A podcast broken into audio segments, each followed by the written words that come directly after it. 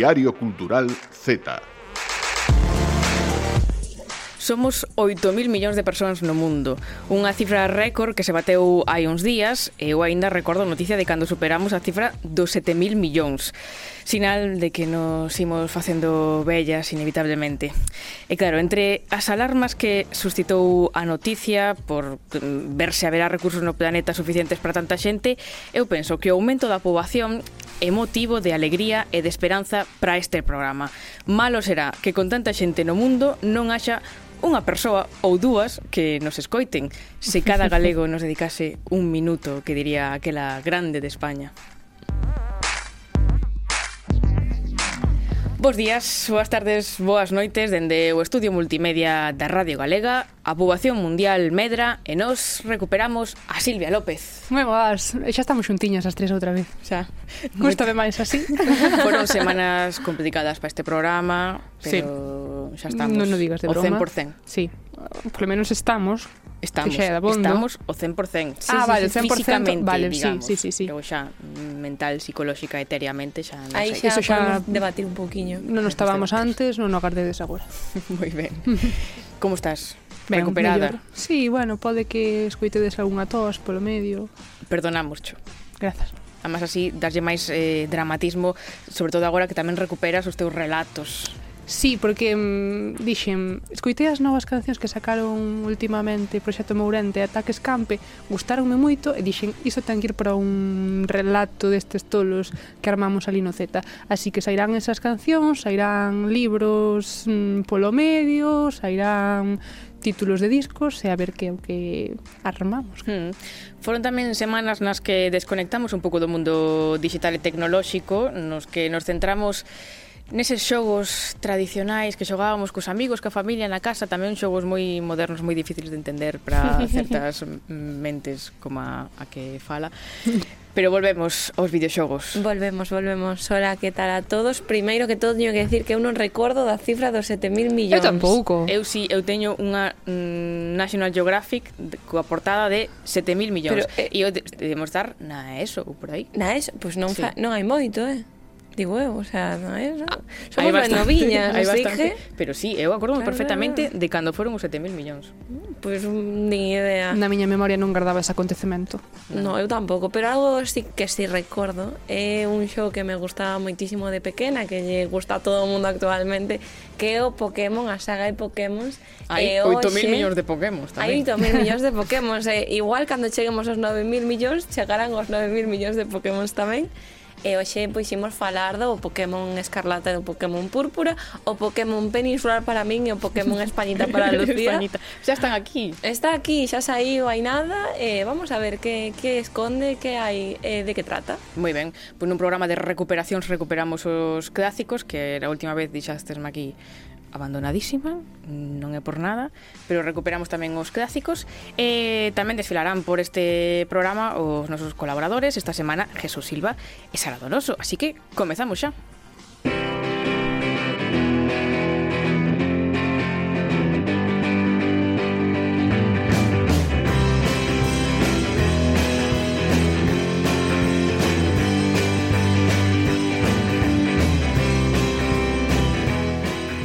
decir que a frase coa que vas comezar o relato é mentira? Por que? Porque iso é o menos Z que hai no mundo. Por, por que fas spoiler así? eu o deixo, porque despois quitas a palabra da boca e non me deixas falar, entón prefiro dicirlo claro. agora. Eu quería decir eh, nada que nada que teña que ver cos teus relatos, quería decir que re, falando de recuperar cousas, sí. poderíamos recuperar a novela de Escarmiña se les quixeran. Mm, nunca está de máis reivindicar iso, no, pero creo que non vai caer Non vai pasar, caso. pero non pasa no. nada. Está difícil eh, así que, bueno, fíxenme spoiler, a verdade, Perdón, tes toda... que era tan grave. No, tes toda a razón do mundo. Non fixen eu... spoiler que non dixen nada. No, pero é que agora síntome mal, porque é verdade, o que dis. Pero de que falades? Eu non me entero. Do relato, de como empeza, agora xa me puxaste triste. Tía comeza e logo ao final... Ao final... Venga. Decimos a Marta. Yeah.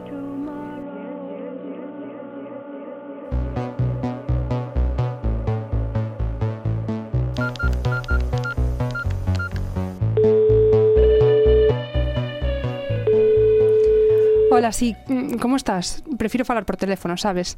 Teño un feixe de virtudes e misterios, pero a valentía non é unha delas. A ver, por onde empezo? Eu tamén fun unha estrela fugaz Dixeronme que así é como hai que chorar Coas lágrimas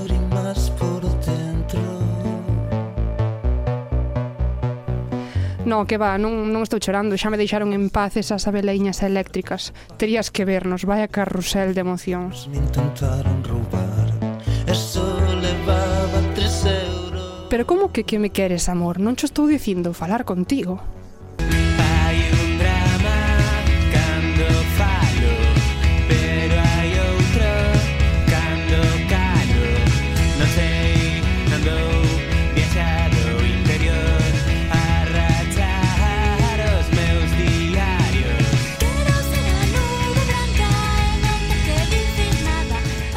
fose unha nube branca todo sería mellor, en serio, quero ser unha nube branca e dame igual a realidade enganosa. Se eu podo armar unha celebración e chover a mares como as piñatas que rompen ou daranlles golpes de luz, pero aí sería todo precipitacións, claro.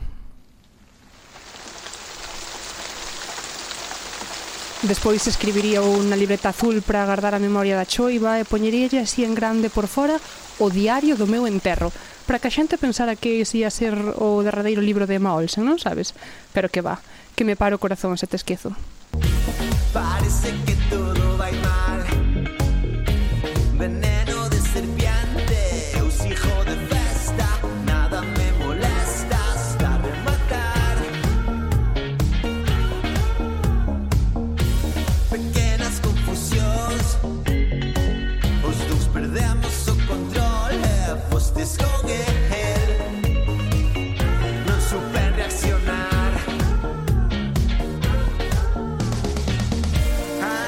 Mira, xa imagino a escena desa festa rara, aí bailando en parella, os corpos invisibles, claro, porque ti non estás, pero estás igual. Ainda que seguro que acabaría por sentirme perdida, miraría a un lado ou outro, faltaría meu atlas para guiarme. Ainda non comprendo como acabei aquí, me medo nesta festa que me fai pensar en ti. Non gosto desta xente que saúda sorridente E todo me molesta que... Iso, iso é o que quería decirche Sácame do centro, porfa, sácame de aquí Que quero volver ás marxes Quero volver á casa. Que eu sempre che gravaba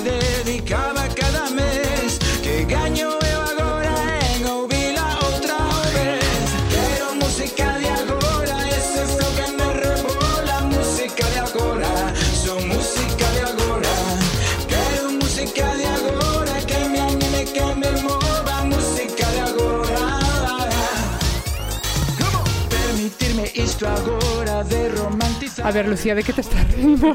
Eu non estou rindo. Marta, no, pillaches o... Pillei, no. A ver, eso depende depende de con quen fales. Hai a quen lle gusta máis falar polo teléfono que a outros. É unha licencia literaria, vale. Claro. É unha licencia Deixame. literaria, pero... pero que está eh, eh, estudado por un estudoso de que estuda moito, probablemente claro. a Universidade de, de, de Harvard, de Massachusetts que fan de todo aí. Ah, eso tamén, os de Massachusetts sacou un estudio que di que os zetas non lles gusta falar por teléfono. E a vos non vos gusta, a mí. A min causame ah, pánico. Biche. A min gustame Gracias, falar Marta. móvil. Prefiro eso que, sobre todo, cando lle envías un WhatsApp a que non contesta, chamas polo móvil porque urxente, falas. Estás nos días Marta, claro, como a máis ceto o falar, o falar por videochamada, pero vos... E logo a señora somos Silvia e eu. Claro. O me en que, claro. Eu reclamo eh, reapropiarse disto e que empeza a ser zeta de novo. Así que... A miña teoría era que os Zetas éramos máis de videochamadas. Mm. Pero nada. Mm, Desmontou Marta no, no momento. No, no, no, no así que nada. somos de videochamadas. Somos moi de videochamadas. Por iso, eu agora mm, voulles pedir a xente que nos está escoitando hmm. eh, onde sexa na radio tal, que vai ao YouTube para coñecer o noso seguinte convidado.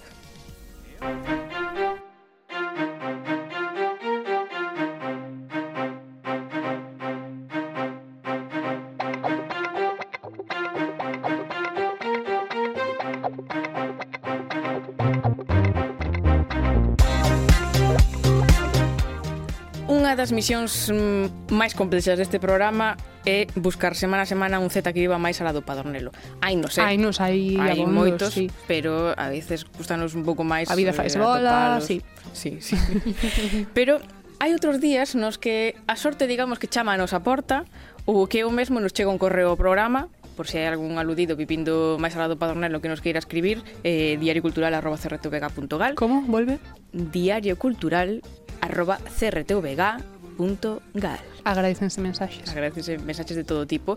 Eh, e, ademais, o noso convidado de hoxe pode asegurar que respondemos sempre os correos ou senón que chamamos. Non chamo eu, chama a nosa produtora que ten idade para chamar por teléfono.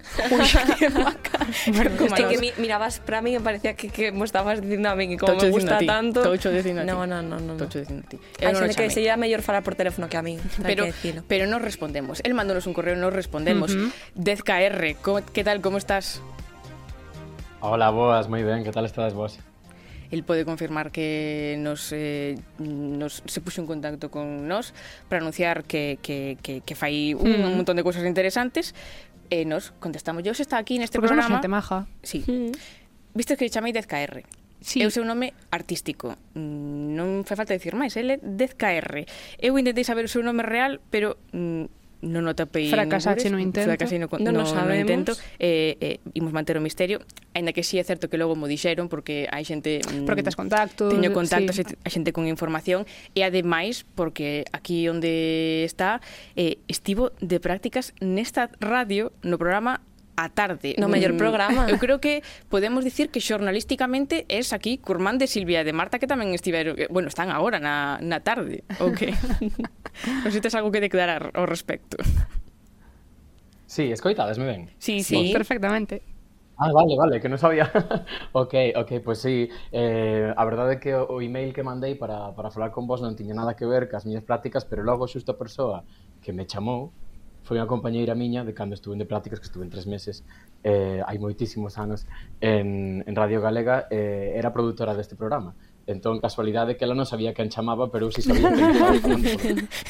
A máxima. que pasa. Entón, cando rematamos de, de organizar todo, dixenlle, bueno, pois, pues, eu sei quen eres. Vou che dicir quen son eu.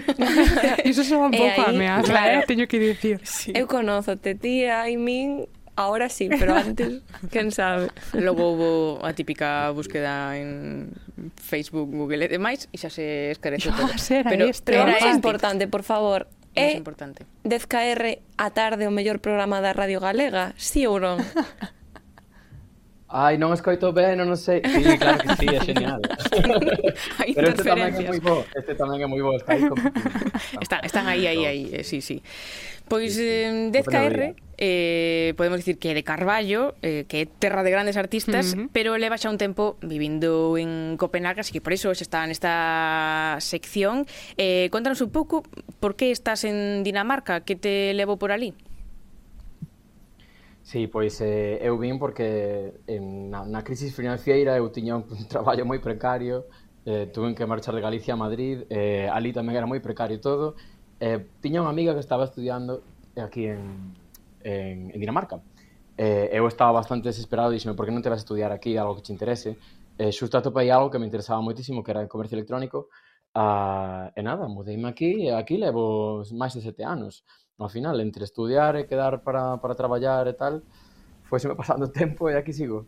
E como Carme é moi fastidiado, interrumpo aí un momento a, ao pobre amigo danés porque eu dixen, Puede ser ver. Dixeche. Eu dixen que pasou. Estábamos vendo un negro que, que claro, non se vía. Eu, eu pensaba que era que estaba levando tan ao máximo a súa ocultación de identidade que non quería nin enseñar que era a cara. natural, pero sí. non, era un problema de, de, de problemas, técnicos. Problemas técnicos que pasan en todas partes. Nas mellores casas. Ahora sí que podemos ver, por fin. Eh, así que seguimos falando do, do ben que se está en, en Dinamarca. E además, ti que és músico, eh, como é o, o ambiente musical por ali por na cidade en Copenhague, pero en Dinamarca en xeral. Sí, pareceme que é un lugar moi interesante en canto a música e cultura en xeral. Eh, aquí hai sempre moitísimos eventos eh, con, bueno, pues con todo tipo de arte eh, e sempre intenta priorizar que haxe alguén pinchando ou alguén facendo música en directo.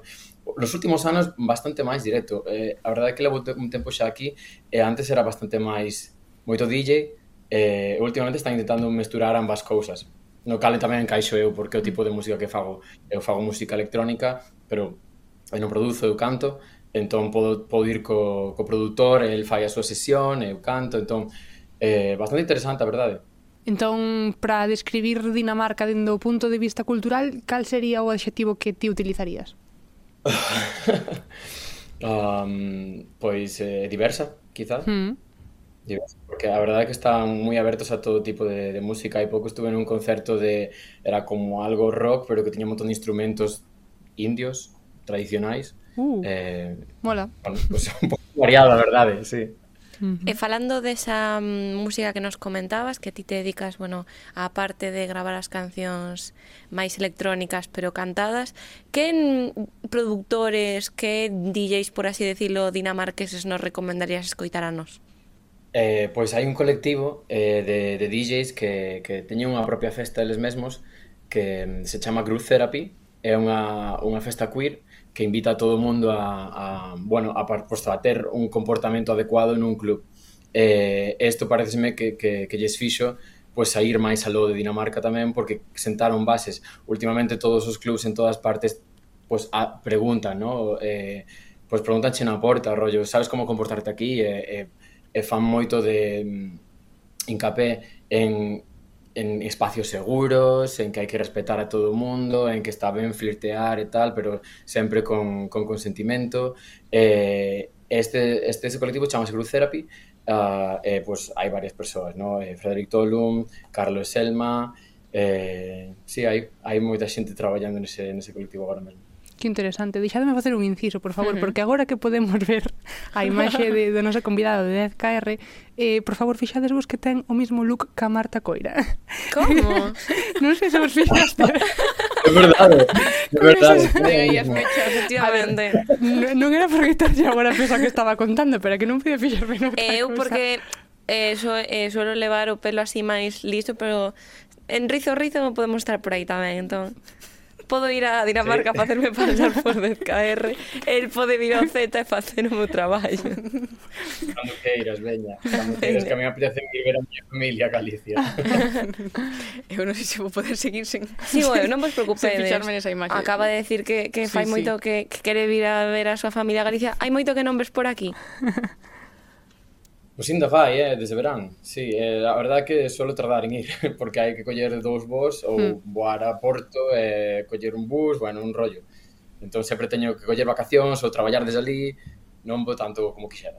Claro, entón estás en Dinamarca igual non tes tempo para estar nas grandes celebracións galegas. Non sei se se celebras ali en Copenhague cos teus amigos pois tradicións como poden ser o magosto daqui ou outras cousiñas. Pois a verdade é que moito non fago, pero sobre todo de Galicia, pero dende hai un pouco teño uns colegas que organizan unha paella. Ah. Eh, eh, son xente de Mallorca que organizan unha paella e eh, fan un, un, un concepto que é paella electrónica. Entón traen eso, pois pues, DJs e, e ali pois pues, comemos paella. Esta semana fago fago concerto tamén ali. Tam, pero tamén che quero decir que, que fas un concerto, pero aparte de extrapolar a túa música, pois pues, tes que implementar ti tamén ao concepto que sei eh, eh, feira eh, concerto, empanada concerto, churrascada, non tanta paella, claro. Os domingos, que, os domingos vou intentar meter así algo de feira, non? Como temos a feira de Cartaz. O último domingo feira. hai moito, hai moito, moito second hand market, igual hai que, hai que convertirlo nun feirón. Claro. eh, 10KRM, aparte dese group therapy do que xa nos falaches antes de que eu fixe esa intervención brillante, recoméndanos algunha sala de concertos, algún pub onde fagan algún outro concerto especial habitualmente. Sí, eh, aquí hai un lugar que se chama Vega, eh, V-E-G-A, eh, Lil Vega, como Lil, uh -huh. a Vega pequena. Uh -huh. Entón, dependendo dos do tamaño do artista, no? de canto poidan, canta xente poidan traer, a si canta audiencia poden, poden ter e cando os tickets poidan vender, pois bueno, van para un sitio para outro. eh, eso sí, cando veñen os artistas máis máis interesantes, eu diría. Eh, de feito, Lil Vega pareceme bastante guai para, para artistas que igual son tochos, pero non o suficientemente tochos para mm, estar no grande, claro. ¿no? Entón, son, son xente que está pois pues, igual cun álbum ou dous, están empezando a petar a nivel pois, pues, europeo, mundial ou como sea. -huh. E a hora de, de ir a todos estos sitios que ti nos recomendas, é caro e barato porque Copenhague, sobre todo, ten fama de ser unha cidade un pouco expensiva, por así decirlo. É caro. Aquí o único que non é caro comparado con Galicia é a suscripción ao gimnasio e o teléfono. O teléfono que, que, que en Galicia é unha ruína. Pero todo o demais é moitísimo máis caro aquí. Ahora ben, eh, como turista pues a verdade que che fai demasiado, pero se vives aquí tamén mm. está equiparado o, o salario. Entón, mm -hmm. é natural facer calquera cousa como se fai en Galicia. Claro, o sea, esta cultura da que nos falase é perfectamente asumible. De, dende a miña ignorancia, canto veñen sendo 10 KRs, 10 coroas danesas? Pois pues 10 coroas son eh, casi un 40, un euro 40. Ah, para que che vale? E con eh? eso pouco... Pois non che vale moito. Para unha hora. Necesitas Moeda non che vale cunha. non, non, dá pa, non dá pa moito, non sei, que non creo que un limón igual. interesante compra, moi ben, un limón. Vale, vale. É, é interesante, é interesante con un limón podes facer moitas cousas despois. Pode que vayas a lía, eh, pois por calquera cousa, pois necesitas un limón. Claro. Acordarás deste rapaz. Fai limón para, para garganta, ¿no? Para gorxa. Claro. claro. claro. A, a semana pasada falábamos do mel e agora poñemos o limón. Sí, está todo, está sí, todo sí, fiadísimo. Está todo. Pois hoxe falamos das cousas importantes da feira, de estilos de pelo e demais, pero nada, quedas convidado tamén para para outro programa para coñecerte mellor tamén musicalmente, mandamos de recado a Alex Gándara, noso colaborador, para que falar tamén un pouco máis da, da túa música e escoitala noutro programa, pero dedicarlle máis tempo un pouco máis serio, un pouco para así decirlo, porque sí. no, a ver, este espacio tamén é, é moi serio, pero que falamos de Copenhague. Outro día falaremos da túa música, se che parece ben. Genial. Moitas grazas. Pareceme estupendo. Adeus. Moitas grazas a vos. Chao, chao. Chao.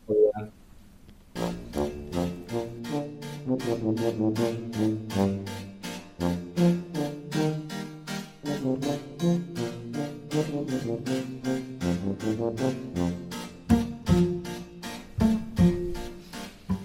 Esta semana, a ver se en alguén me fai caso, porque a semana pasada recomendei lecturas para a nosa audiencia que é maravillosa, pero mm, non tiña que recriminarlle nada a estes lados. Xa o pillamos, Lucía, pedimosche perdón, mil desculpas. Lucía, se queres que leamos, eh, deixa os libros, préstanos os libros que tes. Eu eh, deixovolos, eu deixovolos. Moito pedimos, pero despois pouco damos, eh?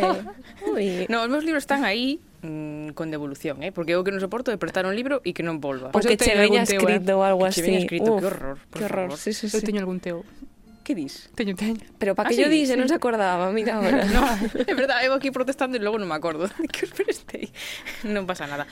Eh, para compensar que a semana pasada non listes nada, mm. nin hmm. as outras semanas porque eu estaba de vacacións, hoxe traio dous libros, un para cada unha, e logo intercambiadelos. Vale. Se vos parece. Facemos ben. clube de lectura, Lucía Junquera. Exactamente. Vale. Traio dous libros eh, físicamente, porque además imos falar de, de máis. Mm, neste caso son dúas novidades editoriais en galego que nos trae Calandraca de Patricia Highsmith. Uh -huh. Son O talento do señor Ripley e Carol, traducidos por María Alonso Seiredos, trouxen os libros, podense ver, libros además que son mm, moi bonitos, bonitos as, porta sí. as portadas. Uh -huh. e... Apetece, xudgando os libros polas súas portadas, apetece, lelos. apetece lelos. Xa, xa é un paso importante. Así que, coa excusa desta traducción, eh, imos falar da, da autora, que é unha autora mm, ao mesmo tempo moi coñecida, pero tamén eh, pouco lida polas novas xeracións, ou iso é a, a, a impresión que me dá a, a min, non? Pero o certo é que este ano en España mm, estáse falando bastante dela principalmente por dúas cousas. Unha é que a editorial Anagrama pois publicou hai un mes ou así os seus diarios e eh, cadernos e baseados neses diarios podemos ver na plataforma Filming un documental sobre a súa vida amando a Highsmith que comeza así. Good stories are made from the writer's emotions alone. Even if a suspense book is entirely calculated, there will be scenes which the writer has very likely known himself. É a voz de eh, Windolo e Christie. Non sei se vichedes eh, Xogo de Tronos.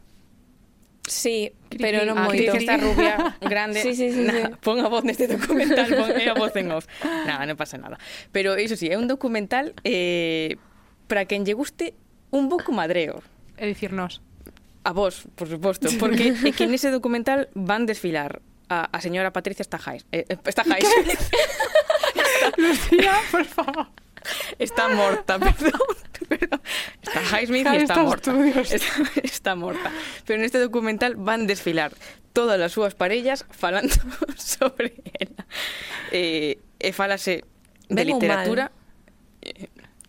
Non falamos as dúas cousas. Falase de literatura algo, pero sobre todo da súa vida privada que foi bastante eh, turbulenta. Entonces fatal. Fatal, fatal. Naceu hai 101 anos ollo, eh, en Texas. Eh, dela dice que prefería os gatos ás persoas, porque era un de trato difícil. Así a define a súa biógrafa, Joan Schenkar. Non era simpática, non era educada e ninguén que coñecera ben diría que era unha muller xenerosa. Vale. Outro biógrafo, Andrew Wilson, dixo dela que odiaba os xudeos, os negros e era unha lesbiana que odiaba as mulleres. Wow. Oye, Lucia, pero ti aquí solo traes a xente que odie. Estame recordando o libro, da, Increíble. o libro da música que era todo... Como era, como era, o, era título? Odioso. A Wamba. Aguambambalú, babalambambú. Vale, sorprendida, nada que dicir. Logo, logo trabúcome dicindo cousas normais, pero nada. Eu creo que podemos dicir que Jaime era unha persoa, mm, digamos, complexa, por decirlo de algunha mm. maneira, e que como Ripley tiña un talento e o seu era a escrita. Que agora tamén podemos debater se hai que separar a autora da obra, claro, porque... Ese bello debate. Eh, ese bello debate, e aquí ten unhas opinións un tanto polémicas, por non decir racistas directamente, mm. pero pero sí, mm, imos falar igualmente dela. Uh -huh. É un dato que ao mellor non sei se estou exagerando, pero debe de ser a escritora que máis libros ten adaptados ao cine. O primeiro deles foi Extraños nun tren, que dirixiu Hitchcock en 1951, Logo, outro gran director, Wim Wenders, dirixiu O amigo americano en 1977 e máis recentemente pois, temos películas como O talento do señor Ripley de 1999, Carol en 2015 e este mesmo ano saiu Augas profundas. Estas que digo son só eh, cinco, pero hai ata 19 películas e un unha serie baseada uh -huh. nas súas obras. O sea, que temos moi fácil para falar de dela sin ler ningún só sí. libro. Non sei se vistes algunha das pelis. Eu Porque os libros xa non pregunto. Que, nece que necesidade hai de seguir afondando na, na ferida e de preguntar? No, a ver, eu sí que vin Carol e demás vina hai dúas semanas, creo. Preparándose para esta sección. Claro. Sin sabelo, pero sí. Adiantándose. Vina. Ti non viches ninguna. Eh, Carol, palabra. fai dúas semanas tamén con Silvia. Claro. Ah, moi ben. É verdade, eso estaba a salir, Estaba Marta. as túas. Nada, nada. é igual, porque o tema do, dos clásicos con Z non é ver as películas, é eh, lela. Uh -huh. e, neste caso, imos lela por primeira vez en galego, eh, con estes dous títulos que ademais son os máis coñecidos. Por un lado, O talento do señor Ripley, que é o máis paradigmático dos seus libros, é eh, unha das melloras obras de suspense eh, e de temática policial e que algúns chaman o nacemento do sociópata máis fascinante da literatura, porque o noso amigo Ripley ten talento para a maldade, a falsificación, a estafa e o asesinato. Tamén hai que ter tamén. talento para todo nesta vida. Sí, sí, sí. E sabes que además ten 25 anos. No primeiro libro, uh. eh, Tom Ripley ten eh, 25 anos. Eh, desde que nós temos 25, pareceme que todo, todo o mundo, mundo 25, 25. É verdade. Así que, xa sabedes, nunca sei demasiado novo para ser unha terrible persoa.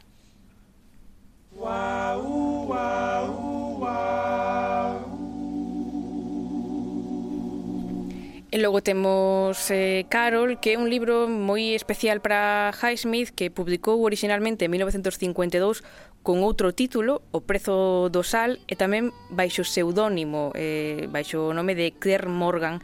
Eh, tardou, ademais, décadas en asumir a súa autoría, en ese momento mm, causou todo un furacán porque estaba protagonizada por unha parella de mulleres E máis aínda, é unha obra pioneira que desafía os estereotipos sobre a homosexualidade por unha razón.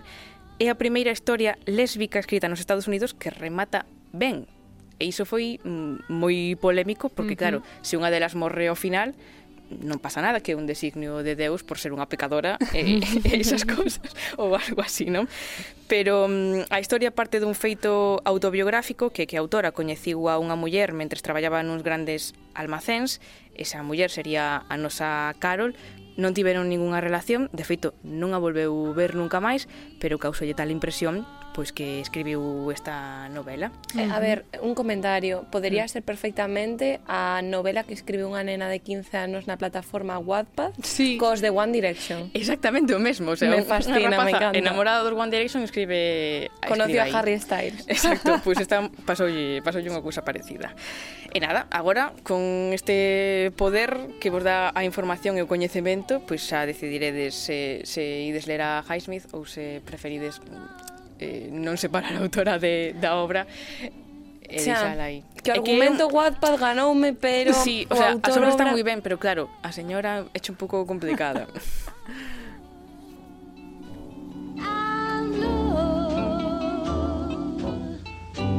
By the ocean in a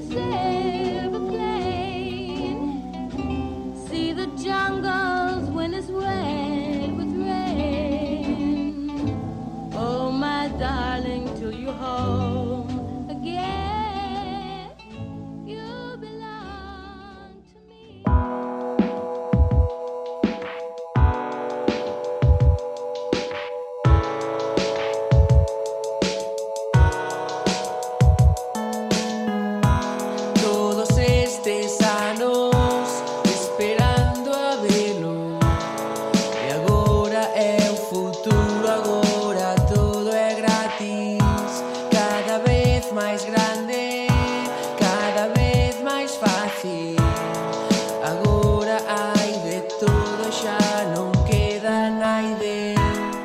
ao que sempre lle facemos moito caso, eh, vemos todo o que nos recomenda, que nos trae aquí este programa e, por suposto, Jesús Silva. Hola, Jesús.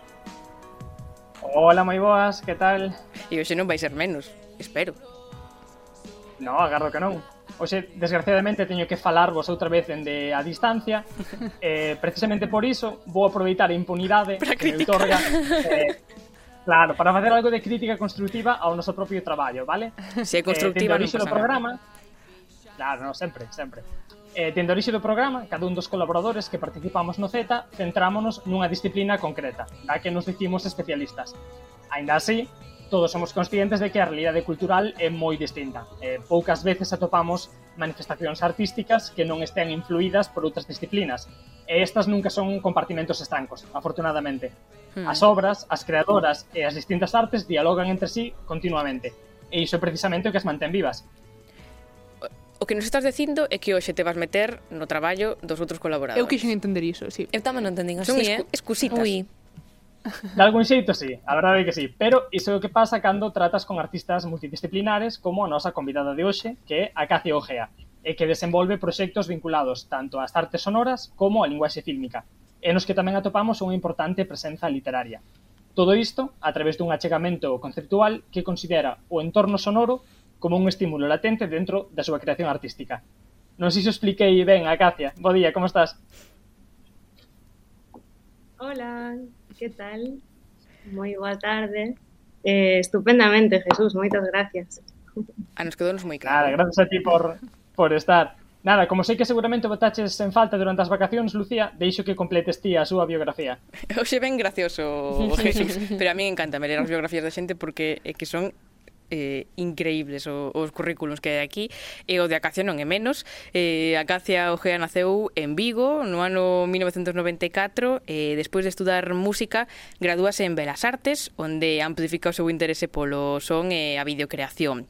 En 2019 múdase a Madrid para cursar os seus estudos de posgrau en cine experimental e o mestrado en composición electroacústica e novos medios. Algúns dos seus traballos e procesos creativos foron expostos en espazos como a Cineteca do Matadero de Madrid, o Marco de Vigo ou o Centro de Arte Sonoro de Bos Aires, así tamén como en festivais e toda, de toda a península como a Mostra S8 da Coruña ou o Festival de Granada, entre outros. Despois da súa primeira experiencia como comisaria no canal 180 de Porto, este ano foi programadora do Festival Curtocircuito de Santiago de Compostela e aí é onde Jesús se move mm, como peixe na auga. Efectivamente, non, non imos enganar ninguén, eh, a Cacia e eu fomos compañeiros este ano un curtocircuito e por iso mm, facíame especial ilusión traela hoxe. Eu quería comenzar falando con ela un pouco eh, en liñas xerais do encaixe que ten o audiovisual na, na súa obra, non? Porque ela traballa maiormente co son, de forma directa ou como ese estímulo do que falábamos, pero quería saber que achega a túa investigación artística, a Cacia, o componente audiovisual, que é o que che permite explorar a maiores. Pois, bueno, eu creo que mm, a creación audiovisual ou a imaxe en movimento eh, a min me, me funciona moi ben como para como para explorar ou para exteriorizar eh, distintas como pulsións que, que podo ter a hora de, de pensar ideas ou de, ou de crear. E como mm, eu veño das, das belas artes en realidade eh, como creo que é un, un espazo onde se se misturan moi ben como moitos aspectos creativos, ¿no? E como que é unha linguaxe na que eu me sinto moi moi cómoda e, e bueno, na que hai un peso moi grande do son tamén, que é, como ben dicías, eh, un, un lugar ou unha expresión ou unha exploración que me interesa moito e que sempre está como moi presente nos meus procesos de, de digestión e de, de bueno, pues de, de creación artística efectivamente está moi presente, por exemplo, na túa última obra, da que me apetece moito falar, que se chama A lingua resiste no estómago dun agricultor morto, que é unha peza audiovisual que ademais hibrida con outra disciplina, neste caso a poesía, xa que combina imaxes eh, filmadas por Acacia en Galicia con extractos do poemario Camuflaxe de Lupe Gómez. É unha peza que reflexiona sobre a tradición, eh, a identidade e o respecto pola terra, e que xa foi seleccionada pois en moitos encontros como o Festival de Novos Realizadores de Granada ou o Festival Márgenes en Madrid que se celebra a semana que ven. Eu quería saber un pouco como nace, no? de onde xorde a inspiración para este traballo. Pois, eh, a verdade é que este proxecto é un proxecto moi bonito que, mm, que bueno, todo xorde eh, de Esto no es una poesía, que é como un, eh, unha distribuidora productora colectivo eh, multidisciplinar que son Carmen Bella, Tasio e eh, Cristina Argueta. E, e bueno, estas persoas maravillosas como que se dedican a xuntar a, a xente eh, creadoras audiovisuales ou cineastas e, escritoras, maiormente poetas.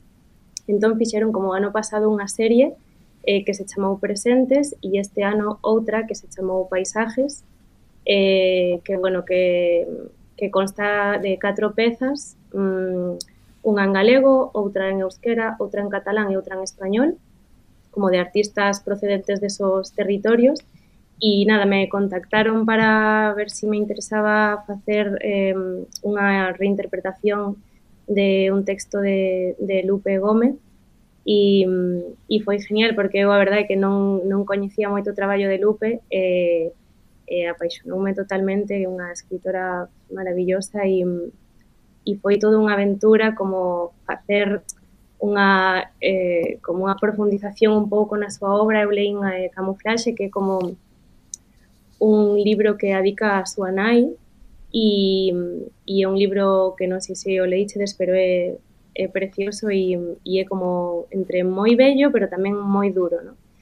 E, e bueno, leximos ao final eh, unha, unha, un texto de, deste libro eh, e a frase que corresponde ao título é unha frase que é como unha homenaxe ao seu pai.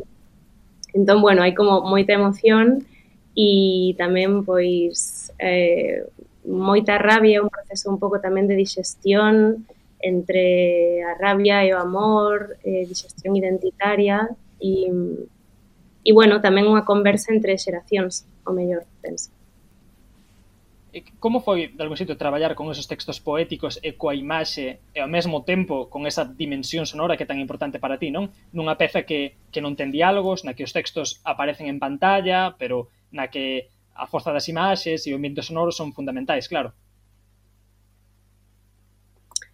Eh, pois bueno, a verdade é que dimoslle bastantes voltas porque claro, eh, o texto son como a 11 frases ou algo así, e son frases como moi contundentes, entón queríamos, o sea, teñen moito peso, e queríamos que, que apareceran na, na, na propia imaxe, non? O sea, tivemos unha serie de decisións formais en canto ao texto, porque eu é a, creo que é como a primeira vez que traballo cun texto um, como poético deste xeito mellor, eh, aínda que me gusta moito como descontextualizar eh, pois eh, palabras ou frases ou, ou reflexións, pero mm, nada, ao final decidimos traballar con estos textos a modo de, de intertítulos de algún xeito. E, e mm, bueno, eh, foi bastante orgánico todo, fomos eh, gravar a, a Couzadoiro eh, aí no, no norte da Galiza. E, mm, e levamos tamén un equipo de son para gravar eh, distintos sonidos que nos acompañaban durante eses días de, de rodaxe e, e bueno, xordeu así un pouco, despois foi bastante traballo de postproducción tamén, como a nivel conceptual. Nos interesaba eh, un pouco esta idea de salmo responsorial e, e tamén de diálogo entre a imaxe, o son e o propio texto. E, e nada, tamén sobre todo facer algo como un pouco suxerente tamén, no? como algo aberto de, de habitar aí como ese conflicto sin ninguna conclusión exacta, sino como, como máis experiencial o mellor. Mm. Ahora entendemos ben tamén porque Jesús quería meterse hoxe nos terreos dos outros colaboradores porque claro, o traballo de, de que, que, que falla Cacia é tan amplio, non? Que mm. tamén podería vir mm. aquí perfectamente Tamara Andrés falar de, de ela ou, ou Alex eh, eh, Acacia, non sei por onde van os teus seguintes eh, proxectos se vas a seguir explorando a programación ou vas, com, vas ir tirar máis pola creación propia? Pois eh, agora xusto, bueno, nunca se sabe, ¿no? Pero agora xusto penso que estou como nun momento de mm, estes meses que veñen como de pecharme un pouco, como de encerrarme e e seguir investigando e, e xerando cousas novas, sobre todo igual no campo dos, dos sound studies, como os estudios sonoros que abarcan unha inmensidade de, de cousas en base a reflexións da, da cultura oral, pero que, que compaxina moito e que se mistura moito con, con moitas formas de, de crear, no? entre las pois audiovisual. Hmm. Pero, bueno, eh, a verdade que a experiencia de programar no curto pois encantoume e, e gustaríame moito seguir aprendendo e seguir traballando dende ese lado tamén. Uh -huh. Pois, eh, Jesús, mm, perdoámosche todas as túas intromisións, porque nos encantou hoxe coñecer aquí a, a Cacia. Ah, un placer para min poder poder traela. Moitas grazas a, a todas, a ela por estar e a, e a vos, como sempre, por darnos o espazo. Grazas, Jesús, e grazas a Cacia. Moitísimas grazas, que vaya todo genial. Unha aperta grande. Apertas.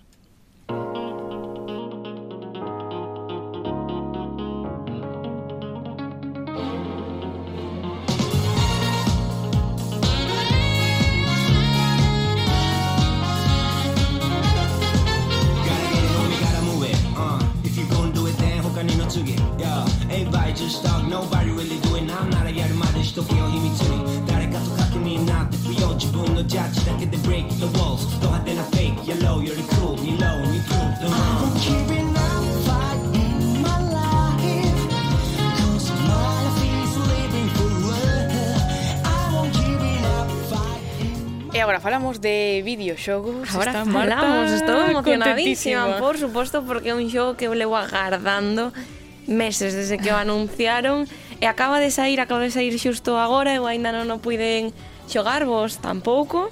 Están no, no. aí, están aí chegando. E nada, eu quería facer unha reflexión primeiro sobre o Pokémon, vamos falar do Pokémon Escarlata e Púrpura, pero hai que dicir que no seu día teñome que retractar porque dixen que os Sims eran o xogo Z por excelencia. Mentín. Es mentira. É o Pokémon. É o Pokémon, non o Pokémon Naceu por alá Pero polo 96. Pero xogou Silvia. Sí. Iso dalle puntos. Ti non xogaste o Pokémon, Silvia? Eh, mm, por so... No.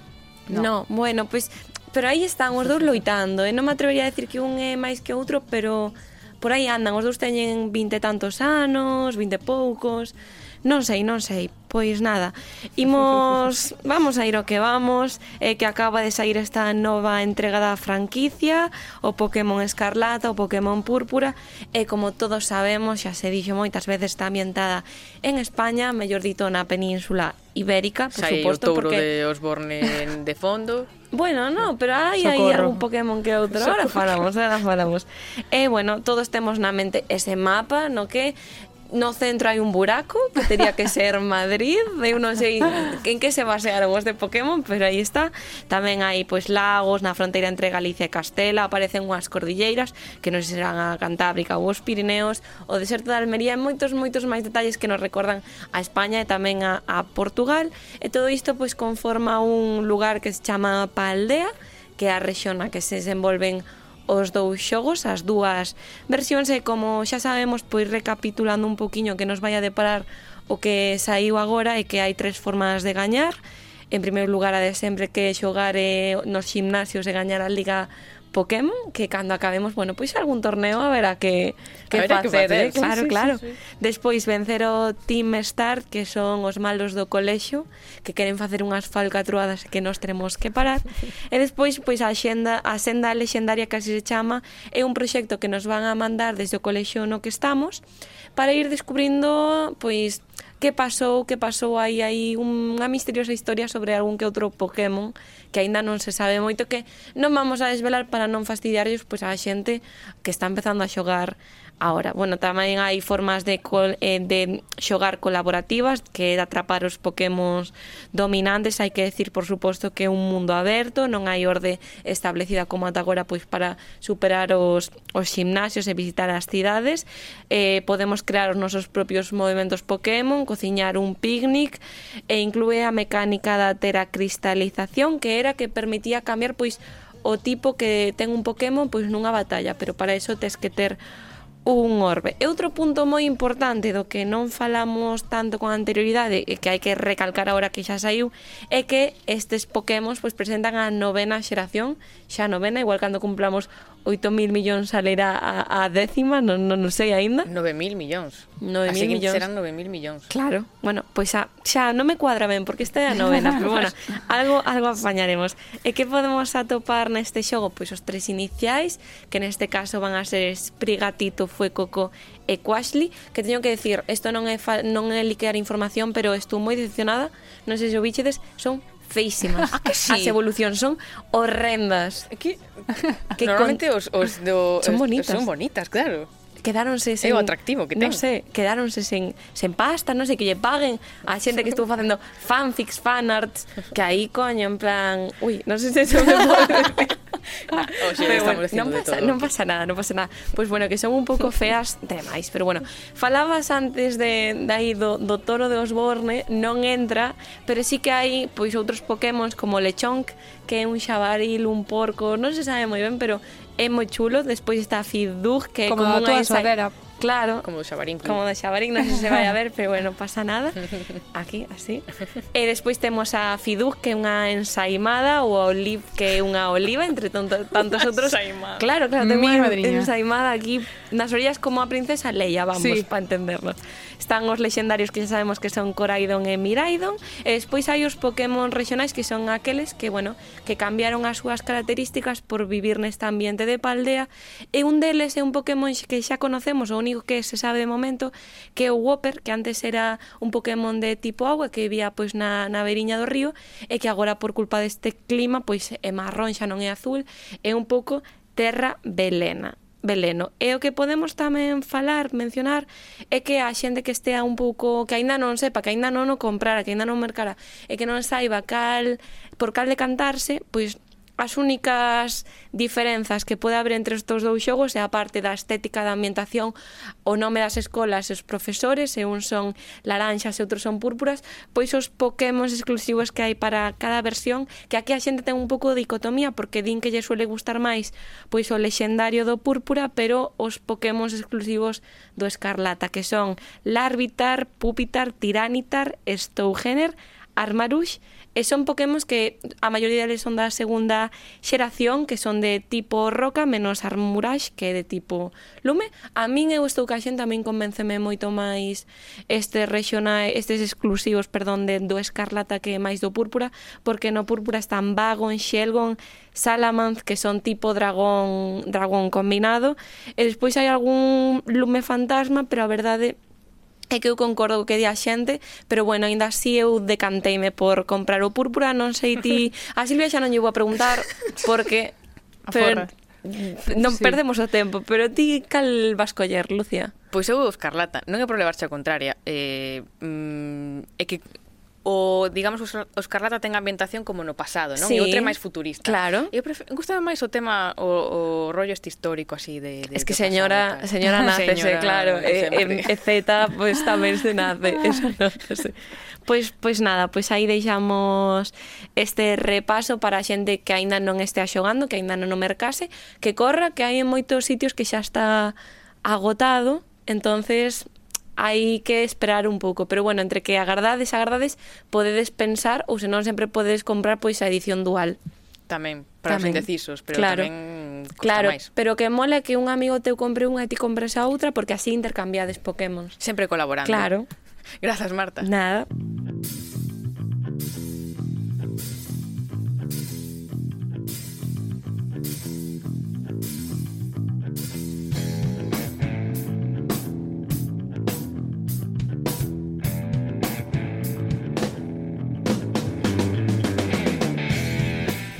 E agora, para pechar o programa, saudamos a Sara Donoso, nosa colaboradora de arte. Sara, como estás? Hola, moi ben, que tal estamos? Que nos vas traer hoxe? Con que nos vas eh, sorprender?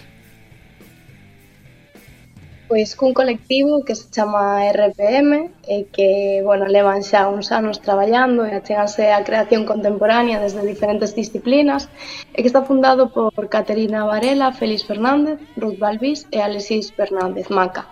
Teñen, ademais, varios obxectivos, non? Entre eles un moi importante que é fomentar esa creación contemporánea no eido das artes vivas en Galicia e Ademais, teñen unha traxectoria individual xa bastante ampla nos campos pois das diferentes artes e dende RPM están a traballar como colectivo eh, realizando diferentes achegas á cultura contemporánea, por exemplo, as residencias para iso. Uh -huh. Pois para falar un pouco máis sobre o colectivo de residencias temos hoxe no Z a Félix Fernández que está formado en Belas Artes, en Danza, e en Performance. Hola Félix. Hola, boas, que tal? E tamén temos a Caterina Varela, formada en danza en artes gráficas e visuais. Caterina, que tal? Moi ben. Bueno, que tal, Félix e eh, Caterina? Eh, bueno, encantada de tervos aquí no Z, moitas grazas non por, por estar aquí con nós. Eh, antes de nada, quería que nos contarades pois como nace o colectivo RPM. Pois Eh, colectivo RPM naceu en, en, dez, en 2017. Foi unha unión de, de cinco artistas que nos sentamos coa vontade de xerar un contexto máis fértil para as artes vivas no noso territorio. Eh, e desa unión eh, veudada porque sentíamos a necesidade de impulsar o concepto de residencia artística en Galicia eh, para desenvolver un programa eh, de residencias, non? Que eh, eh, nese momento tivemos a oportunidade grazas á colaboración con Agadic de lanzar un programa piloto ese ano, eh, así foi como naceron as, resi as residencias Paraíso, que é un dos nosos proxectos estrela. Exacto, non sei se Caterina, que é a directora destas residencias, nos pode dicir algo máis sobre elas, porque ademais xa, xa levades unhas cantas edicións.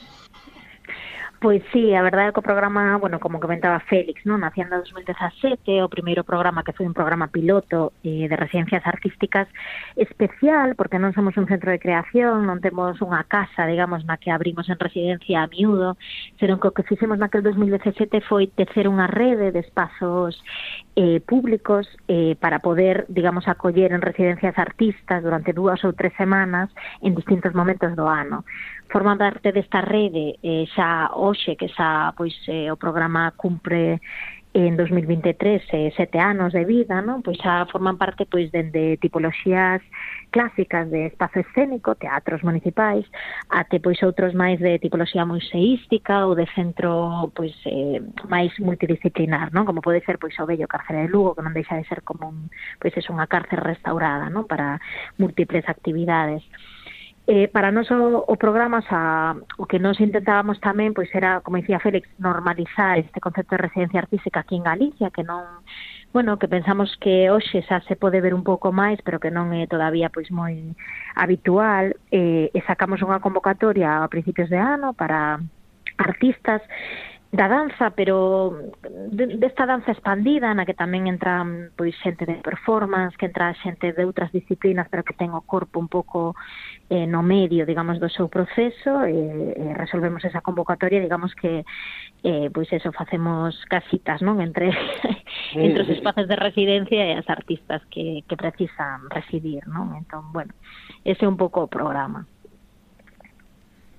E algo que estabas a, a comentar e que me parece un punto moi importante ese traballo máis silencioso, non? Esa labor de xestión de mm. pois eh, falar cos diferentes espazos colaboradores, coas institucións, buscar unha serie de apoios para dotar as residencias dunhas condicións dignas. Eh, neste caso, a vosa labor é tamén como mediadores, non? Entre artistas e institucións é algo que dende logo non sempre é doado, así que se nos podedes contar, Félix, un pouquiño máis de todo ese proceso de xestión.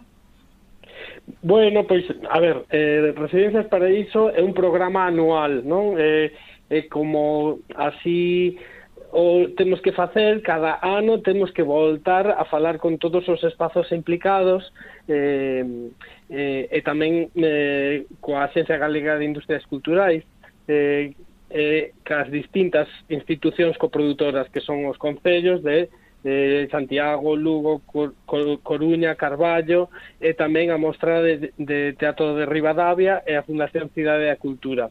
Entón, eh, temos que facer eh, ano tras ano eh, reunións anuais para refrendar esta, esta colaboración eh, e tamén ampliar a confianza que, que, que eles depositan en nós e nós depositamos en eles, non? É que, que de algún xeito eh, esa confianza mutua se vexa refrendada. Para iso tamén desenvolvemos ese encontro paraíso eh, no que eh, tamén invitamos a xente dos espazos colaboradores, aparte das artistas eh, eh, que forman parte do programa anual, pois tamén para convivir, non? E tamén coñecer eh, todo esas, ese, ese tecido de relacións que podemos eh, eh, trazar en cada ano, non? Bueno, eh, penso que estás a dicir algo que tamén é interesante, non? Como se poden relacionar ou como dende as institucións se poden convidar a que coñezan un pouco os procesos e as actividades en marcha unha vez que, está funcion que están funcionando esas residencias e de feito eh, pois pouco a pouco, ano a ano estades a, a lograr esa confianza da que falades e isto pode quedar reflexado tamén no proxecto de Cruceiros Paraíso, non? Que expande ou amplía o ámbito galego. Caterina, sí, non sei eh... se me eh, podes contar algo de Cruceiros Paraíso. Hmm. Sí, Cruceiros Paraíso, digamos que como, pois pues eso, capítulo expandido, non, das residencias paraíso, que nós facemos aquí en Galicia, pois pues, tratamos en ese concepto de interinstitucionalidade que comentaba agora Félix, non, de que nós dende eh, non deixamos de ser, digamos, artistas eh, con obra propia, que seguimos facendo, digamos, a, a nosa propia carreira máis eh, en este campo, tamén, pois, pues, nos, nos eh, digamos, eh, relacionamos coas institucións, pois, desta maneira activa, proactiva, para levar adiante pois eh, o que nos pensamos que, que lle fai falta aquí á comunidade. En esa idea de interinstitucionalidade, de entender que estás traballando para un territorio, no noso caso, moi identificado, Galicia, entendemos que ten que haber unha permeabilidade, non? Que o concepto de permeabilidade é bo en todos os sentidos, tanto por porque as residencias paraíso non sempre temos espazo, digamos, para artistas de fora de Galicia que, que venen aquí a facer residencia, que levan a súa dotación artística como a calquer outro outro artista de aquí. En esa idea de permeabilidade tamén está que os artistas galegos e eh, galegas pois puedan coñecer, non, outros contextos e, eh, e, eh, e bueno, alimentarse deles. Así traballamos pois con con distintos espazos en Barcelona, en en Euskadi, en Tenerife, tamén fora de fora de España, pois para que esos artistas pois poidan ir fora, non? Os mandamos de cruceiro por aquelo por eso que chamamos cruceiros para iso a esta liña, non? Pero esta idea un pouco de pois de coñecer máis territorios, de empaparnos deles, de coñe, de coñecer a fondo, non? O que se está facendo ali, eh, bueno, e ao final tamén ampliar o, o mapa de recursos disponibles, non? Para a comunidade artística galega. Mm. Estamos quedando en tempo, pero tamén vos quería preguntar, Félix Catarina, se, eh, ademais destas residencias e dos cruceiros, tedes algún proxecto entre mans? Eh, sí, ai, pero... sempre. sempre, sempre. Temos moitos, está o, o caixón cheo, o sea, eh, o noso... Perdón, Félix. Eh, no, no, o sea, fala, noso... fala, que o noso caixón de proxectos está sempre cheo, o sea, somos artistas, eh, a creatividade, digamos, que a veces desborda, non? Eh, o, o, o difícil é darlle, pois pues eso, encaixe, saída, todos esos proxectos. O mesmo decimos cando abrimos a convocatoria e eh, nos chegan 200 proxectos en Galicia que xa o gallá que, que atopasen a vía, non? Para, para, para que os pudésemos ver. Sí, hai moitos proxectos aí guardados, o gallá que en 2023 saíamos con un novo que nos fai bastante ilusión, pero que non podemos todavía mm. comentar moito. Mm, claro. Moi ben, tamén tamén queda ben deixalo aí en, en puntos suspensivos para eh, claro. chamar a atención e que nos informemos tamén máis adiante e volvamos chamar a, a Feris e a, e a Catarina. Eh, Sara, quería agradecervos tamén a, a, aos tres que hoxe nos viñedes falar do colectivo destas residencias e tamén de, desa de colaboración entre artistas e entre artistas e institucións que é tan, mm. tan importante para a arte contemporánea. Moitísimas grazas. Muchas gracias a vos por invitarnos. Gracias, gracias a vos. Gracias, Sara.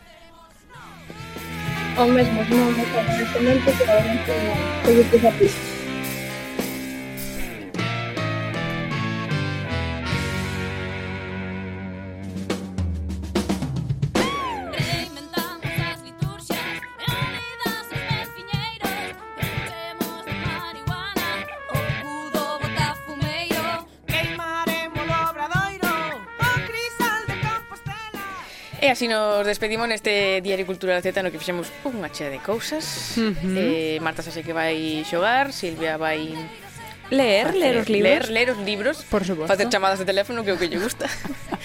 e nos, eh, Menos vacilar. Eh. Nada, nos volvemos a semana que ven con máis Cultura Z. Moitas grazas por escutarnos e por vernos. As mulleres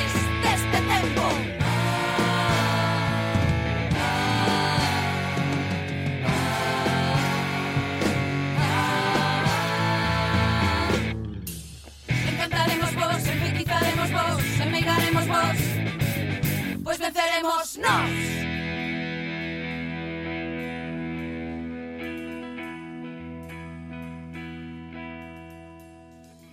A nosa violencia, a nosa beleza ruín Naceu da liberdade de non ter medo a sentir Resignábanse polo camiño cando as vían vir Cubrían a colloada tesourando un membro viril Reuníanse nos cruces para intercambiar o saber Ai que perigo, perigoso, ai que perigo, hai que ver.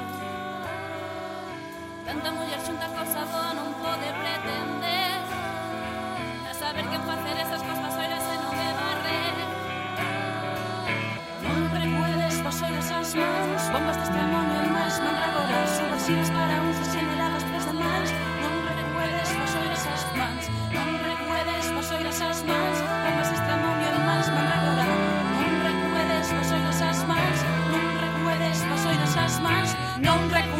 Vas vasoiras as mans Non recuedes, vasoiras as mans. Non recuedes, vasoiras as mans. Non recuedes, vasoiras as mans.